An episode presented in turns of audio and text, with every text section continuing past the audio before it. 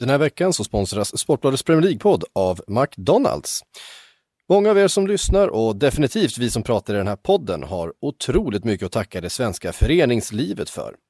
Och vi vet ju hur mycket det svenska föreningslivet betyder för framförallt barn och unga i hela det här landet.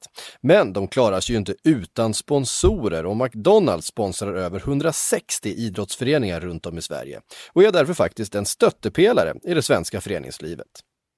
McDonalds själva brukar ju mena att de är stora nog att göra skillnad. Och detta är ju ett intyg på att det faktiskt är så. Så veckans avsnitt sponsras alltså av McDonalds och det börjar nu.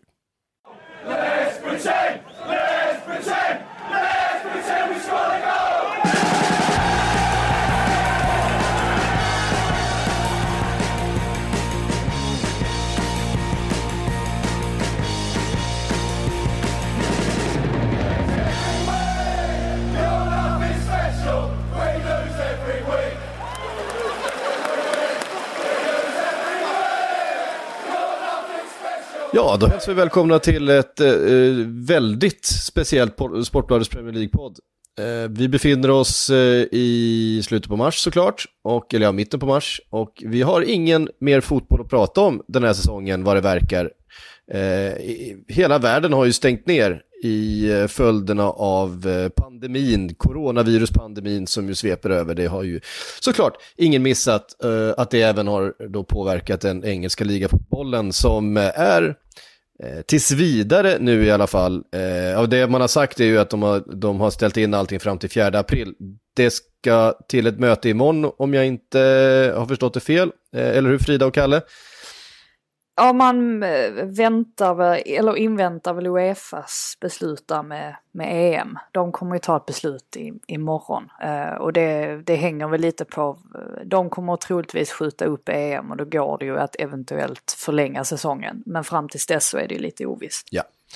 Eh, och eh, alternativet skulle då bli att, att återuppta säsongen någon gång kanske i maj, försöka spela färdigt den över då tiden som EM skulle gått på eh, är väl spekulationerna. Men vi vet inte, så att vi, eh, vi får helt enkelt eh, förhålla oss till det vi vet och sen eh, får vi väl försöka spekulera utifrån vad vi tror och så vidare. Men allting vi säger blir ju spekulationer. Vi vet ju inte mer än någon annan, helt enkelt. Mår ni bra då? Är ni, sitter ni hemma och gömmer er? Har ni bunkrat toapapper? Nej, verkligen inte. Det... nej, det är ju det är en speciell situation. Alltså nu Eh, alltså dels, dels med fotbollen givetvis, men sen tänker man ju ganska mycket på eh, ja, men sig själv och, och, sin egen situation. Och eftersom ekonomin är på väg att kollapsa, vad kommer liksom hända i, i stort? Så att det är ju, det är ju inte kul, um, en, en sån här situation. Sen uh, får jag intrycket av att det är betydligt mer hysteriskt i Sverige än vad det är här. Och jag antar att det beror på att här har man valt en helt annan approach. Alltså, eh, jag vet att eh, Boris Johnsons rådgivare gick ut nu eh, för inte så länge sedan och, och, och, tyckte liksom, alltså de vill hellre att alla britter ska smittas av det här viruset. Så att alla blir immuna i slutändan. Alltså de har mer, eh, ja, de, de är lite friare i sitt tänk kontra Sverige och speciellt Danmark då. Eh, men med det sagt så är det ju fortfarande, man märker ju fortfarande av det liksom i affärer och sånt att det finns folk som, eh, som har bunkrat. Eh, och då inte minst att det är oerhört få fotbollsmatcher som, eh, som spelas. Jag lyckades ju leta upp den enda i London i alla fall, ja. lördags. Ja, du, ska, du ska få avlämna rapport därifrån, jag är väldigt nyfiken på detta. ehm, nej, men Sverige har väl lite grann samma, samma inställning som Storbritannien tror jag, eh, till det här, bara att vi har en, eh, en lite mer högljudd debatt kring det tror jag. Eh, och eh, såklart ett, eh, ett annat land med andra, andra förutsättningar eh, i övrigt. Men eh, ja, jag är hemma också. Jag är inte heller på redaktionen i studion som vanligt. Ni är ju eh, normalt sett vid era hemmakontor och spelar in det här, men eh, jag är inte heller välkommen in på redaktionen längre. Det går rykten om att du sitter i en garderob och spelar in nu för tiden. Eh, jag har faktiskt klivit ur garderoben just för den här inspelningen, för jag inser att jag, jag kommer inte kunna eh, lösa en så lång inspelning med ståendes med näsan in i garderob. Eh, men ja, det stämmer. Jag har byggt mig ett litet speakerbås. eh, framförallt för inspelningar utav eh, daily och lite kortare grejer eh, eh, i garderoben. Det, det, är alldeles riktigt. Så får man göra när det är någon jävel som får för sig att käka en fladdermus. Då, då kan vi hamna här. Det, vi får döpa om den här butterfly-effekten, fjärilseffekten till att bli fladdermuseffekten då, eh, tror jag.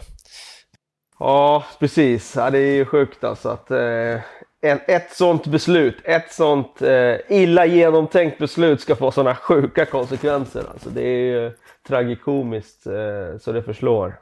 Ja. Ehm, så ehm, ja, eh, ingen fotboll. Vi har en tabell och det som ehm, det som är sagt då är att det finns några, några alternativ. Eh, ett alternativ förstås är ju att helt enkelt bara stryka ett streck över den här säsongen. Eh, och det vore ju trist för alla eh, oss Liverpool-supportrar, men eh, det är ju som, som sagt, det är en situation som ingen kan, kan råda över och, och eh, som ingen kan, kan påverka. Eh, det är ju bara, det är bara att förhålla sig till eh, det som eh, beslutas och eh, hur verkligheten ser ut och så får man ta nya tag. Det känns liksom inte som att eh, det är klart att man kan eh, vara besviken om det blir ett sånt beslut, men man kan inte gärna ifrågasätta beslutet. Eh, man får ju vara besviken över att den kanske bästa säsongen i klubbens historia mynnar ut i ingenting eh, i slutändan. Men eh, eh, vad ska man göra? Finns, det finns ganska mycket som talar emot att det kommer bli så. Um, alltså med tanke på att det, det, finns alldeles för mycket pengar att förlora på att uh, blåsa av ligan.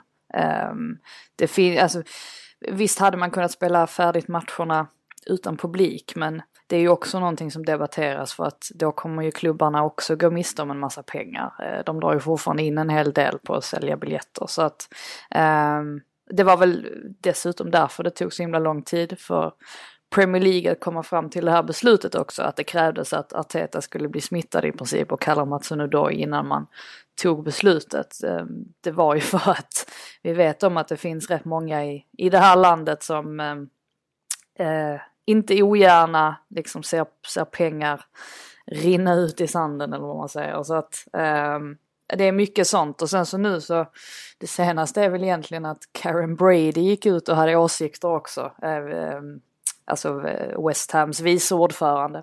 Ehm, och hon tyckte ju givetvis Ja, men hon tyckte givetvis att säsongen skulle blåsas av, men det är kanske inte så konstigt när man ligger i botten av tabellen. Plus att West Ham kommer få väldigt svårt att eh, Alltså om det nu blir matcher långt in på sommaren så kommer de ha förmodligen få flytta vissa matcher från London Stadium med tanke på att det är mycket konserter och sånt som ska spelas där och eftersom att de inte har första tjing på, på arenan så eh, lär de inte kunna spela alla matcher heller. Där. Nej. De det känns som att det blir ganska mycket lobbying utifrån egna intressen när det här ska beslutas eh, på de där mötena. Eh, det här Inte var ju ett exempel. Ja, eh, ja, men alltså det här var väl ett exempel på det och det är väl ganska logiskt. Alltså, då folk och klubbar ser till sitt eget hus för den här krisen är så extremt monumental. Eh, när det gäller just det här med publik och Premier League så är väl Premier League-klubbarna är väl de i världen som skulle klara sig utan just publikintäkter vad jag förstår eftersom det bara står för en sjundedel av, av deras intäkter. Eh, sen är det klart att det blir eh, juridiska säkert eh, processer med tv-avtal och så vidare om de skulle strypa den typen av eh, pengar och så vidare. Men samtidigt om de spelar matcherna eh, utan publik och tv-bolagen får sända så, så tror jag att Premier League-klubbarna de kommer klara sig. Sen eh, när det gäller klubbarna längre ner, där är ju krisen värre rent ekonomiskt. För liksom, League 1 och League 2 så står publikintäkter för hälften av eh, budgeten. Och eh, där är många klubbar som lever från vecka till vecka. De använder pengarna från publikintäkterna för att betala den löpande driften. Och där tror jag att det kommer att bli blodigt tyvärr. Ja, det mest troliga nu var väl att, alltså så som det ser ut nu, är väl att det kommer liksom bli, eh, ske en sak för Premier League och sen kommer det ske en annan sak för League, eh, eller för Championship och, och League 1 och League 2 och eh, de. Alltså att det är möjligt att de kommer få spela matcherna med publik. Eh, för att förhindra detta och sen så får Premier League köra på utan. Men, med ja, publik, ja okej. Okay. Ja, Intressant. men det, det, är mycket, eh, det är mycket som är oklart nu i alla fall. Ja, uh, ja, helt enkelt mycket som är oklart är väl, är väl sammanfattningen för uh, hela situationen. Uh, så att säga. Hur ska, man, hur ska man då som supporter ehm, fylla sin tid? Det här med att det finns ingen annan sport heller som, som pågår och eh, vi som är sportintresserade eh, har ju liksom en livsstil där man fyller en ganska stor del av sitt, sin vakna tid med idrott. Vad har, har ni något, vad har ni gjort eh, den här senaste veckan för att fylla tomrummet? Nej men alltså jag, man, det blev ganska tydligt i, eh, Eh, i lördags då som sagt när jag eh, och en vän eh, letade upp ett möte i den nionde divisionen som faktiskt spelades mellan Fisher FC och Punjabi United. och de brukar ha sådär en, ja, en, en en 70-80 åskådare kanske och i lördags var det ju ja, men det tredubbla kanske. Um, som hade hittat dit. Uh, ja, och det, det är ju för att jag upplever liksom att det finns en än starkare kärlek till just själva sporten här. Alltså att det är så himla många som, precis som ni säger, alltså fyller sin eh, stora delar av sin fritid med just fotboll. Att det spelar inte så mycket roll egentligen vilka, vilka lag det är på planen utan det är många som bara liksom letar upp en fotbollsmatch och vill, eh, vill gå dit. Alltså antagligen för att känna någon sorts gemenskap eh, eh eller liknande. Och många av de som var där i lördags var Millwall-supportrar. Eh, som ju eh, ja, inte kan gå på det den längre. Eh, och så hade de hittat dit istället. Och det var, det var, det var en ganska, ganska trevlig eftermiddag ändå. Eh, även om det var under lite, lite märkliga omständigheter. Och Fisher FC de vann med 2-0. Och efter, eller där i slutet av matchen så sjöng supportrarna You've been battered by the fish. Mm -hmm. eh, vilket var lite fyndigt. Så att, eh, ja, alltså life goes on. Men det märks ju att det liksom att det påverkar många ju. Men var det här den enda seniormatchen som spelades? Eller, eller den I, högst upp i seriepyramiden så att säga? Även mm, om det var lägsta divisionen. Ja men precis. I, i London-området. jag tror sen var det en till som var en bit utanför. Eh, om jag inte minns helt fel. Men det här var liksom den som var mest central. Eh, eller vad man säger. Var det, möj eh. var det möjligtvis en viss eh, taktiskt slip, slipad eh, Athletic-reporter som du var där med? Det kan ha varit det, ja. Det är ja, mycket möjligt. Jag, jag har noterat även att det, det, har dykt upp i, i, flödet på sociala medier, bilder från just den här matchen. Eh, Men vad, var, hur, var stämningen? Hur var, hur var stämningen? Hur var spelkvaliteten? Spelkvaliteten var ändå, eh, ja men den är ju som den är. Det, eh, vad ska man säga? Det är svårt också med, med, just med England och de har ju så himla många divisioner. Den här nionde divisionen räknas ju fortfarande som semiprofessionell. Eh, vilket är ganska otroligt ändå med tanke på att vad har vi i Sverige? Det är division 7 eller? Som är lägst ja, kanske. Eh, och här är det alltså nionde divisionen, då räknas fortfarande som halvt professionell. Men semiprofessionell eh, där alltså? Det, det låter ju helt otroligt. Ja, det, det, sa de till mig i alla fall. Det kanske är fel, men det, det tror jag. Mm. Um, och sen var ju alltså kvaliteten på spelarna emellan var ju ganska olika, men jag var ändå alltså, riktigt imponerad av, uh, nu var det i och för sig det förlorande lagets målvakt, men han var, han var riktigt vass alltså. Det var, det var liksom ingen, vi sa det, alltså, han, han hade lätt kunnat gå in i ett, där superettan-lag i alla fall. tycker jag. Um, men ja, kvaliteten var väl lite, lite blandad. Så att säga. Ja. Um, om, eh, kommer de fortsätta spela i, i lägre divisionerna, uh, vad du vet? Alltså jag, det verkar som att det är väldigt eh, alltså individuellt, alltså sett till de olika divisionerna. Alltså det verkar som att liksom det är klubbarna också som är med och, mm. och tar beslut. Um, men jag, jag vet, jag, jag tror det just eftersom att Storbritannien har en sån laid back attityd till hela grejen. De har ju inte förbjudit folkmassor och eh, de har ju inga sådana restriktioner överhuvudtaget som man har i Sverige med eh, alltså allt över 500 personer är, är inte tillåtet. Alltså det finns ingenting sånt här. Så att det finns ingenting som hindrar matcher från att spelas. Utan det där är ju individuella beslut som har tagits av liksom ligaorganisationerna och så vidare. Mm. Um, ja, vi, uh, som sagt, vi, vi vet ju väldigt lite om, om uh, vad som kommer hända framöver här. Men uh, vi har fått en herrans massa frågor kring allt som rör den här säsongen, nästa säsong, spelare och eh, ja, allt möjligt. Ska vi, bara, ska vi bara dyka ner i frågehögen direkt? Vad tycker ni? Ja, kör, så får vi se var den tar oss. Ja, precis. Eh, vi kan börja med Mattias fråga. Han har fått, eh, han skriver så här. Vad behöver United för spelare för att vinna Premier League? Jag, jag gissar nästa säsong då för den här ligan. Eh, eh blir svår att vinna även om den spelas klart. Mm. Ja, då behöver ju fler spelare av toppkvalitet. Nu fick de in Bruno Fernandes som är en sån spelare som eh, håller absolut toppklass i Premier League. Men de skulle behöva tre, fyra sådana spelare till. Så att de är en bit ifrån fortfarande. Det vill jag nog hävda.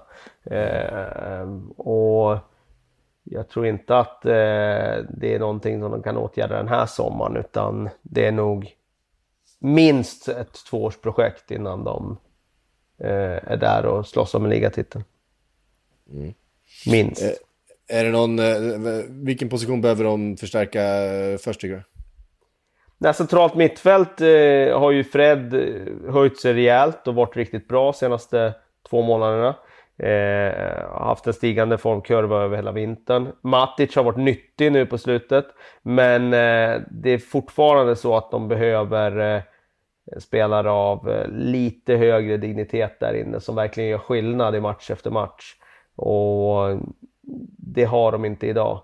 Eh, sen skulle jag säga att de behöver en, eh, eh, en forward som eh, är eh, mer jämn än vad Martial är.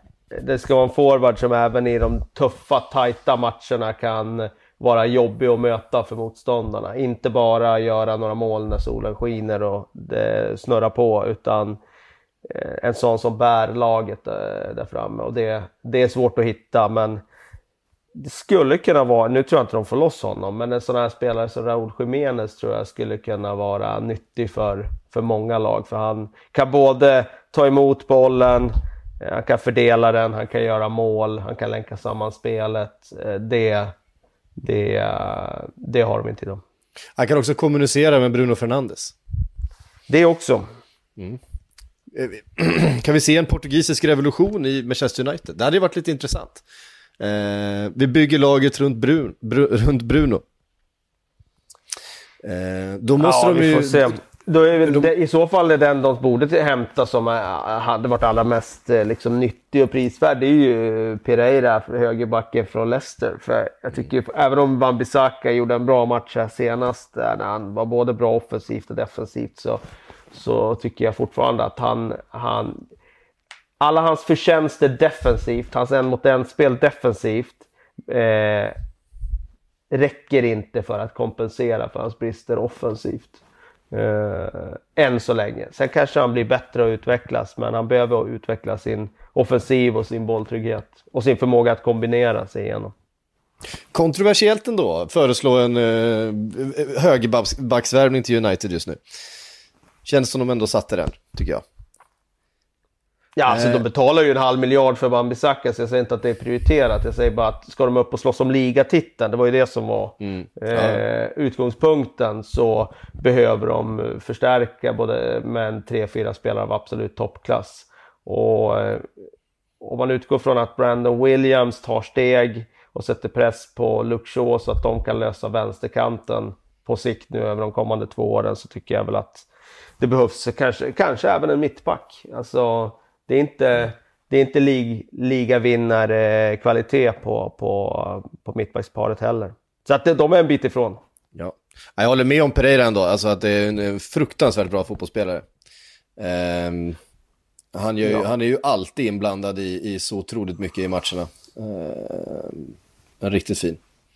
Vi har fått en fråga från Anton Rundsvik. Um, om det inte skulle vara möjligt att spela klart säsongen och du fick, eller om ni fick bestämma, han skriver egentligen till dig Kalle, eh, men vi tar den eh, till er båda. Eh, hade ni gett Liverpool eh, titeln om det inte går att spela färdigt? Eh, och hur hade ni gjort med upp och nerflyttning? Eh, för om Liverpool ska få titeln, då måste ju West Brom få spela Premier League-fotboll nästa år. Ja, alltså eh, ett förslag som har varit uppe på tapeten det är ju att eh, Leeds och West Bromwich ska flyttas upp till nästa säsong. Eh, så att det blir 22 lag i Premier League. Eh, och så antagligen då liksom att helt enkelt få åka ur fem lag nästa säsong. okay. Eh, så det är, ju, det är ju ett alternativ som har varit uppe på bordet av många. Eh, jag, alltså, jag tror nog att de flesta redan har gett Liverpool-titeln i teorin. Så att jag är väl lite inne på det där att varför inte göra det då i praktiken. Eh, och även skriva in det i, i historieböckerna. Men sen samtidigt, ja, hur kul är det att vinna en titel som Alltså det, jag tror inte att det kommer, kommer det verkligen göra sån enorm skillnad för Liverpool. Man vet ju redan vad man har åstadkommit under säsongen. Eh, och att man i princip vann ligan innan det hände. Men med det sagt så tycker väl jag att jag tycker de ska, jag tycker de ska ha den. Ja, eh, som sagt, eh, i Sverige är ju eh, en del av de två elitdivisionerna som liksom har hamnat i total kris av den här corona Eh, situationen. Och I Sverige är det helt otänkbart att spela matcher utan publik för att klubbarna skulle gå under av det. Om man gjorde det eh, över tid. Jag tror ju att eh, Premier League-klubbarna skulle klara sig eh, ekonomiskt. De, det är inte så stor andel av deras intäkter så att eh, jag tror att det kan landa i att de spelar klart ligan utan publik. Eh, så fort de har kommit förbi den här, ja, vad ska jag säga, eh, vågen, om man nu gör det. Eh, det är inte säkert att man gör det. Men eh, jag tror att skulle det bli utdraget så kanske man sätter ett datum på där ska man börja spela igen. Och sen är det så att det fortfarande är epidemi då så ja, då, då får man spela utan publik. Jag, jag hade tyckt att det var en, en, eh, en, eh, en bra lösning ändå. Eh, för det hade inte blivit något snack efteråt och så vidare, då har matcherna spelats. Eh, jag tycker om man inte gör det så tycker jag det är rimligt att ge Liverpool titeln. Eh, eftersom alla har gjort det egentligen, räknat in den. Det är så pass nära. Så läste jag någonting om någonting att ska man göra det så måste man ha spelat 75% av ligan. Och det har de precis gjort. Med en omgångs marginal tror jag.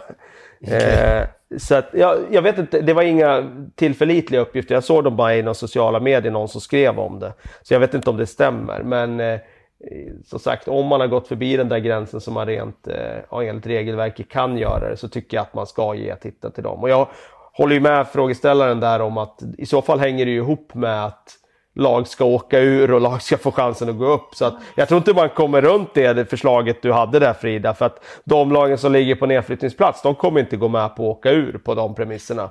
De som går upp, de vill ju väldigt gärna gå upp. Så att jag tror att man kan hamna i det där med att två lag får gå upp då, då och sen är det två extra lag i ligan nästa år. Det är inte omöjligt. Ja, nu var det ju inte mitt förslag. Nej, nej, jag förstår att det inte var ditt förslag. nej, men eh, det förslaget som du redogjorde för, ja. som finns där från någon. Jag vet inte vem som har kommit med det, men jag tror inte det är omöjligt att det skulle bli så. Men jag tror att det slutar med att Liverpool får titeln i alla fall, oavsett. Ja. Och det, eh. det vore väl rimligt. Samtidigt blir det ju intressant det där, vad ska man dra gränsen på när en liga är klar eller inte? Om det hade varit 10 poängs försprång, eller 12 poängs försprång, 15 poängs försprång. 18, var går gränsen någonstans? Ja, nej, det, är, det är svårt. Nu är ju eh, nu är skillnaden 25 poäng. Ja, precis. Men var går gränsen då? Ja, 10 kanske. 10? Oj! Bara 10? Om det, om, det hade, om det hade skilt 10 poäng nu. Eh, säg med lika många matcher spelade, nu har ju Liverpool en match mer spelad. Men säg med eh, City också hade haft 29 eh, spelade matcher. 9, 9 omgångar kvar, 10 poängs skillnad. Ja. Kanske Liverpools lite, 15. trend och sådär som är lite dippande. har varit lite alltså det- dippande. Jag har ju inte, alltså så här, Nej, jag efter- säger bara lite djävulens advokatfrågor. Ja, jag ja, säger nej. inte vad som är rätt eller fel. Jag säger bara det är intressant att det blir ju någon fråga om var ska man dra gränsen. Och jag är glad Verkligen. att jag slipper, slipper ta det beslutet själv. Jag tycker att Liverpool ska få titeln. De har, de har förtjänat den. Det är så pass nära. Eh, alla har räknat in det och nej, det vore det moraliskt rätta och därför tycker jag att det är det rätta. Sen tycker jag det är så otroligt tråkigt för Leeds till exempel. Eh, Om de inte skulle få gå upp nu när de verkligen snuddar vid uppflyttning. Det skulle ju vara otroligt tråkigt för, för de supportrarna och den klubben som har kämpat så mycket i motvind de senaste decenniet. Ja, nej, det är, det är ju en tuff situation. Hur den är så, så är det människor som kommer bli besvikna. Eh, och som redan är det såklart. Det, det går inte att komma ifrån. Eh, det, det är svårt att se en situation där vi ser eh, någon som vinnare på situationen som är nu. Det finns nog bara förlorare av olika, eh, av olika grad. Om man ska vara riktigt ärlig och ska man vara cynisk eh, så, är väl, så är det väl så att de som kommer vara de minsta förlorarna är de storklubbarna i Premier League. Det är ju alltid så. Eh, de, de har ju störst makt och de, de ser ju efter sitt eget hus och det är de som kommer se till att, att ehm, eh, att gå minst skadad ur det här. Eh, om, man vill, om man är cynisk, vilket man ofta kan vara i de här sammanhangen, så kommer det förmodligen tyvärr vara så att det, de som kommer dra den allra största nitlotten är, det är de små klubbarna längre ner i, i systemet. Eh, Det är tyvärr. stor risk för det, ja. Det leder oss in då på nästa fråga som vi har fått ifrån Tysk Fotboll. Eh, kan rekommendera det kontot på Twitter faktiskt om ni inte redan gör det. Eh, kommer mycket bra därifrån. Eh, eh, kontot har i alla fall ställt frågan eh, så här. I Tyskland pratas det mycket om de ekonomiska konsekvenserna virusutbrottet kan komma att orsaka, framförallt på kort sikt, inte minst sommarens transferfönster. Hur ser det ut i England? Eh, ja, men det är väl samma sak där då, om jag bara leder in det på en eh, diskussion om, om sommartransfers. Jag tror att den ekonomiska smällen blir ganska begränsad just om vi tittar på, på Premier League och de stora klubbarna där. För det, det är liksom tv-avtalen de, de lever på och tv-pengarna på något sätt kommer betalas ut ändå. Eh, och jag tror som du säger Kalle också att de kommer spela klart den här ligan eh, just av den anledningen. Problemet är ju däremot med de som har utgående kontrakt. Alltså det, är ju, det är ju där det egentligen är ja, störst frågetecken. Alltså nu är det ju, eh, ser det ut som att man i så fall skulle lösa det genom att eh, ge spelarna eh, kontrakt veckovis, alltså förlänga en vecka åt gången. Att man skulle få tillåtelse att göra det även efter att de har löpt ut. För att vi, det är ju ganska många faktiskt som sitter med utgående kontrakt. Inte minst är det ju, vad är det, William och Fatongen och eh, Wijnaldum har väl också utgående kontrakt. Och, ja, men det, det är ju rätt många faktiskt. Eh, ben Foster tror jag. Eh, ja. Så att, eh, Där kommer de... man lösa så. Ja, där tror jag nog att de kommer hitta någon temporär lösning. De flesta kontrakten går ut sista juni. Ligan kommer ju med all sannolikhet vara färdigspelad i alla fall innan juli går ut och förlängde då en månad till. Då. Eh, jag tror att sådana temporära lösningar kommer de säkert besluta om och, och lösa på något sätt. Eh, men det är ju Ja. såklart en intrikat fråga eftersom eh, vi har inte ställts inför det problemet förut på det här sättet. Och det blir en helt ny situation. Ja, problemet är att tydligen så, jag tror det var David Ornstein som hade pratat med någon agent till någon stor spelare, han skrev inte vem, men vi kan väl anta att det är typ William eller någon av dem som ehm, han vill ju gärna skriva på ett nytt kontrakt, alltså ett nytt längre kontrakt. Ja. Det är ju det de har bråkat, eller bråkat, men det är de har varit lite oense om i Chelsea. Och att skulle det bli en sån här veckovis eh, lösning så hade han kunnat tänka sig att, eh, alltså om det nu är William, hade han kunnat tänka sig att eh, ja, men nobba det och liksom begära ett längre kontrakt. Det är nog sådana grejer, alltså lite agent. Eh, där agenter liksom kommer att försöka göra vad de kan för att få till en så bra deal som möjligt. Det är nog, nog mer sådana grejer som kommer att bli kruxet. Liksom. Men om det är den enskilda spelaren det handlar om, om det är en spelare i varje lag som, som hamnar i just den där typen av situation, att man, in, man vill skriva på ett längre kontrakt, man, klubben vill inte det, man vill inte skriva på ett kontrakt för tre veckor till. Ja, men då tycker jag då, då får det väl vara så, då får man spela utan den spelaren. Då. Eh, det, den, en spelare kan ju bli skadad när som helst i vilket fall, så att ja, det, det kommer ju bli den typen av ganska svåra eh, situationer. Det kommer säkert finnas massa diskussioner om om och men och kanske och så vidare. Men eh, allting kommer inte bli perfekt i en sån här situation. Nej, eh, givetvis inte. Eh, Robin Åslund skriver, är, är Liverpool laget med, fan, laget med fans som har mest hybris i hela världen? Eh, eh, jag skulle säga så här. Eh, som Liverpool-supporter då med ändå vad jag tror någon slags sjukdomsinsikt. Eh, att eh, Liverpool har dels väldigt mycket supportrar som är väldigt högljudda framförallt och ganska koordinerade i sociala medier. Eh, man ser ju alltid sådär när det är omröstningar och det finns någon, någon slags jag menar, Lukas Leiva blev liksom månadens spelare för att de hade publika omröstningar kring vem som skulle bli månadens spelare i Lazio. Ja. Eh, när han gick där, och han, han blev månadens spelare varje månad i liksom hela säsongen. För att Liverpool-supportrar tyckte det var kul. Eh, sen, eh, hybris tror jag alla lag som går bra har. Där finns ett visst mått av hybris. Det som jag tror är speciellt med Liverpool och det som eh, många eh, kan irriteras på, att det finns ju en viss självgodhet tror jag Eh, i, den, i Liverpools eh, supporterled runt eh, laget och en Eh, en, en viss arrogans eh, runt den, att man, man, eh, man anser sig vara eh, ja, eh, den, liksom, den största och finaste klubben. Eh, och det är klart att det håller ju inte alla andra med om. och då kan den, den självgodheten och den arrogansen bli lite outhärdlig. the unbearables, som folk kallar dem. Jag tror att det och när ett sånt lag då sen också får hybris, vilket jag tror drabbar alla supportrar eh, som har ett lag som går väldigt bra, så är det klart att det kan, det kan bli eh, lite, lite oskönt emellanåt. Det, det, det tror jag. Den, den, tror jag. den sjukdomsinsikten får man nog ha som Liverpool-supporter. Håller ni med, ni som eh, hanterar fotbollssupportrar eh, i sociala medier? Jag tror det handlar mycket om att eh, Liverpools eh, supporterskara är så framgångstörstande. För det har varit så otroligt lång tid utan framgångar och de här 30 åren som har passerat utan någon titel och nu när, när laget har tagit sig upp ur den här ökenvandringen eh, och, och uppe i den absoluta toppen, då tror jag man maximerar eh, liksom, ja, Absolut. liksom möjligheten att njuta nu när laget går bra.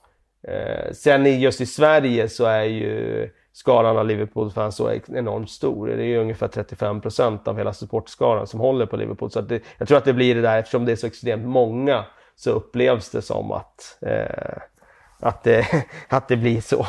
Men eh, jag, jag håller med i grunden om, jag tror alla supportrar har väl en, en, ett visst mått av självgodhet och man har, får lite hybris när laget går bra. Och det är väl också en del av charmen med det. Att, eh, man måste ju ja. få njuta när laget går bra. Och man inte får, jag menar, de, de stunderna när det inte går bra, de är oftast betydligt fler. Och tiderna med ångest och liksom, de stunderna är ju betydligt fler. Och, eh, ja? Eh, jobbigare än vad just eh, den där segern eh, är härlig. Så att, eh, ja. man måste ändå unna de lagen som går bra att de får eh, njuta av det. Jag hade den, den konversationen med Erik Niva för några år sedan när eh, eh det var när vi var ute på turné där med hans, med hans fotbollströjor om eh, huruvida det är värt det att vara en, en inbiten supporter av ett, av ett fotbollslag överhuvudtaget. Och det är ju inte det. Eh, det, det är ju inte värt det. Man ligger ju på minus eh, i, i ångest och i, i eh, hur man mår. Eh, så det blir på något sätt ännu viktigare att när det, finns, när det finns framgångar, när det finns plus att hämta, att man verkligen maximerar dem. Därför att i slutändan så kommer det vara en förlustaffär. Eh, för de allra flesta, eh, rent känslomässigt. Eh, det tror jag har eh, med det här att göra också. Egentligen oavsett vilken klubb man håller ja, på. Det spelar och... ingen roll om man tar den klubben Nej. som är högst upp i hierarkin. Det, liksom, det kommer tuffa tider och när alla förväntar sig att laget ska vinna, då blir det ännu tuffare när, det väl, när laget inte gör det mm. istället. Precis. Eh, fråga från Fredrik Larsson. Eh, Frida, eh, är Ceballos värd 36 miljoner som ryktena säger? Kommer han vara en framtida startspelare i Arsenal? jag tror definitivt mer på det nu än vad jag gjorde för, ja men kring årsskiftet i alla fall. Um, han har ju fått betydligt mer speltid under eh, Uh, Arteta, äh, det, tog i och för sig ett tag innan han tog sig in i starten det var väl till och med så att han ställde ett litet ultimatum där under januari och ville liksom veta om han ingick i planerna. Men det känns ju som att Arteta uh, anser att han faktiskt gör det. Så att eh, med det liksom i, i, i, eh, i åtanke så ja, det, det tycker jag väl. Thomas Nygren eh, ja, jag hade inget att tillägga där. Eh, Nej, det var skönt. Ja, det, var, det var fint. Eh, Thomas Nygren skriver, tror ni Sam Allardyce hamstrar eller, hamstrar eller tar han det med ro? Känns som han hamstrar bira i alla fall, Big Sam. Vitt vin är det väl han, hans, ja, hans just det, den där middagen där när han, eh, när han blev påkommen med, när, han, när de hade någon dold kamera och sådär, så var det väl vitt vin han satt och drack. Men han känns ändå som att han hamstrar han... bira tycker det. Jag tycker han känns som en sån som sitter liksom tillbaka lutad i soffan och liksom anser att allting är påhittat. Alltså lite sådär. Absolut. Han, han, han känns ju som en sån som röstar på Boris Johnson, alltså utan att, utan att veta så, så, så känns det som att han har, han har hans rygg liksom lite grann. Och då kan jag tänka mig att de två har lite liknande eh, syn på hela grejen. Kanske, jag vet inte. Ja, ja det, det tycker jag också det känns som. Alltså, han, han är väl en sån där som, som eh, också anser sig själv vara typ odödlig. Att det här är ju ingen som kommer bita på honom. Ja men exakt, det är lite, lite det jag menar. Sen tänkte jag vi kanske lyfta det också, för det var ju lite speciellt alltså att eh, alltså Nigel Pearsons presskonferens där, att han var så himla tydlig på sin presskonferens och eh, liksom hade inga problem med att uttrycka sig politiskt. Alltså det var ju dagen efter Boris Johnson hade hållit det här talet till nationen och Pearson motsatte sig ju i princip det Johnson sa, eller snarare det han inte sa, för han tyckte att han hade varit oerhört eh, otydlig eh, och hade visat brist på ledarskap. Och det, eh, det är ganska starkt ändå, alltså när en Premier League-tränare går ut och eh, tar så eh, oerhört stark ställning liksom mot, mot en premiärminister.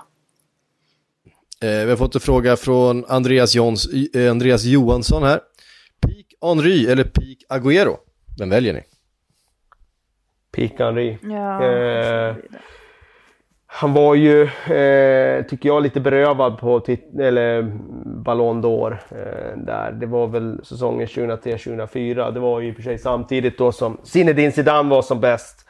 Och det är klart, eh, och Ronaldinho också för den delen. Eh, det, var, det var väldigt hård konkurrens. Men eh, han var fruktansvärt bra då, Thierry Henry. Och han var ju eh, lite mer komplett än vad Agüero är. Och Agüero är en helt fenomenal avslutare och kommer alltid göra mål. Men Henri var ju framspelare, han var eh, Alltså han var ju en del av den där otroliga vänstersidan där de kombinerar sig fram eh, på en tid, liksom en, en epok när, man, när andra lag inte klarar av den sortens fotboll. Så att jag tyckte att han var eh, eh, fenomenal, eh, en av topp tre i världen. Agüero har aldrig varit topp tre i världen. Nej, det var ord och inga visor. Eh, Agüero har ju också, eh, en av hans stora grejer i eh, sin karriär är ju också att han har hållit under så många säsonger. Att han har liksom, eh, alltså just när det gäller den absoluta eh, piken av karriären där, där Henry befann sig. Det är verkligen inte många strikers genom tiderna som har varit på den, eh, nått den höjden i spelet som Henry gjorde eh, när han var som allra bäst där i Arsenal. Det kändes som att han, han gjorde mål på precis när han ville. Det var, det var... Ja, det kändes som det. Det gick så fruktansvärt enkelt för honom. Ja. Eh, jag kommer ihåg, alltså det var ju också med, det var ju inte bara i Arsenal, det var ju som med franska landslaget där. Jag tror att det var en, en situation där Frankrike i något eh, VM-kval eller ett EM-kval, minns inte vilket år det här var. Jag tror de vann tre matcher i rad med 5-0. Visserligen då mot, mot sämre motstånd och så vidare som det är i de här kvalen. Men man satt och tittade på när Henri spelade mot de här lite sämre lagen. Det var som att han var, han var så överlägsen att han blev nästan liksom fundersam på eh, vad han själv höll på med. Det var som att han bara kunde stanna upp vid, vid straffområdet var så här, ja ah, men jag skjuter väl in den i bortre krysset då. Eller så springer jag förbi dem och allting bara gick in. Det var som att han liksom bromsade ner sig själv nästan för att det var, det gick för enkelt. Det var ju faktiskt, det var ju faktiskt tänkt att Henri skulle väljas in i Premier Leagues Hall of Fame på torsdag eh, ihop med Alan Shearer. Men eh, ja, det blev ju avblåst på grund av, eh, på grund av viruset. Det var ju trist. Ja, det var ju trist. Robert Jonsson eh, skriver här, eh, prata Jude Bellingham. ja, det har jag faktiskt gjort en del eh, under, eh, kanske inte i podden nödvändigtvis, men det har skrivits rätt mycket om honom eh, under i princip hela säsongen eftersom att det har gått så bra för honom i Birmingham är det va? Ja, det, ja, det stämmer. Um, och att det liksom, ja men det var snack om att uh, United uh, liksom har följt honom under hela, uh, i princip hela då året. Det ryktas ju om alla möjliga klubbar. Just och sen så att Dortmund låg närmast till hans just nu. Okej, okay. det var mer än vad jag visste. Jag har sett rykten om alla möjliga engelska klubbar men då är det säkert någon rådgivare som har pratat om just att ta den där sväng om till Bundesliga som andra har gjort och som har fått effekt av den. Det vore ju synd för England. Samtidigt kan man inte säga att det är fel för en engelsk talang att, att gå till Bundesliga när man ser hur andra har fått eh, fart på karriären på det sättet. Men det sämsta som han skulle kunna göra, det är att gå till en av topp 6-klubbarna i, i Premier League. Alltså, hur, hur ska en 16-åring, snart 17 i sommar, kunna få speltid där? Då finns det ju risker att det blir Phil Foden. Och så slänger du bort ett par år där du hade kunnat få bättre utveckling någon annanstans.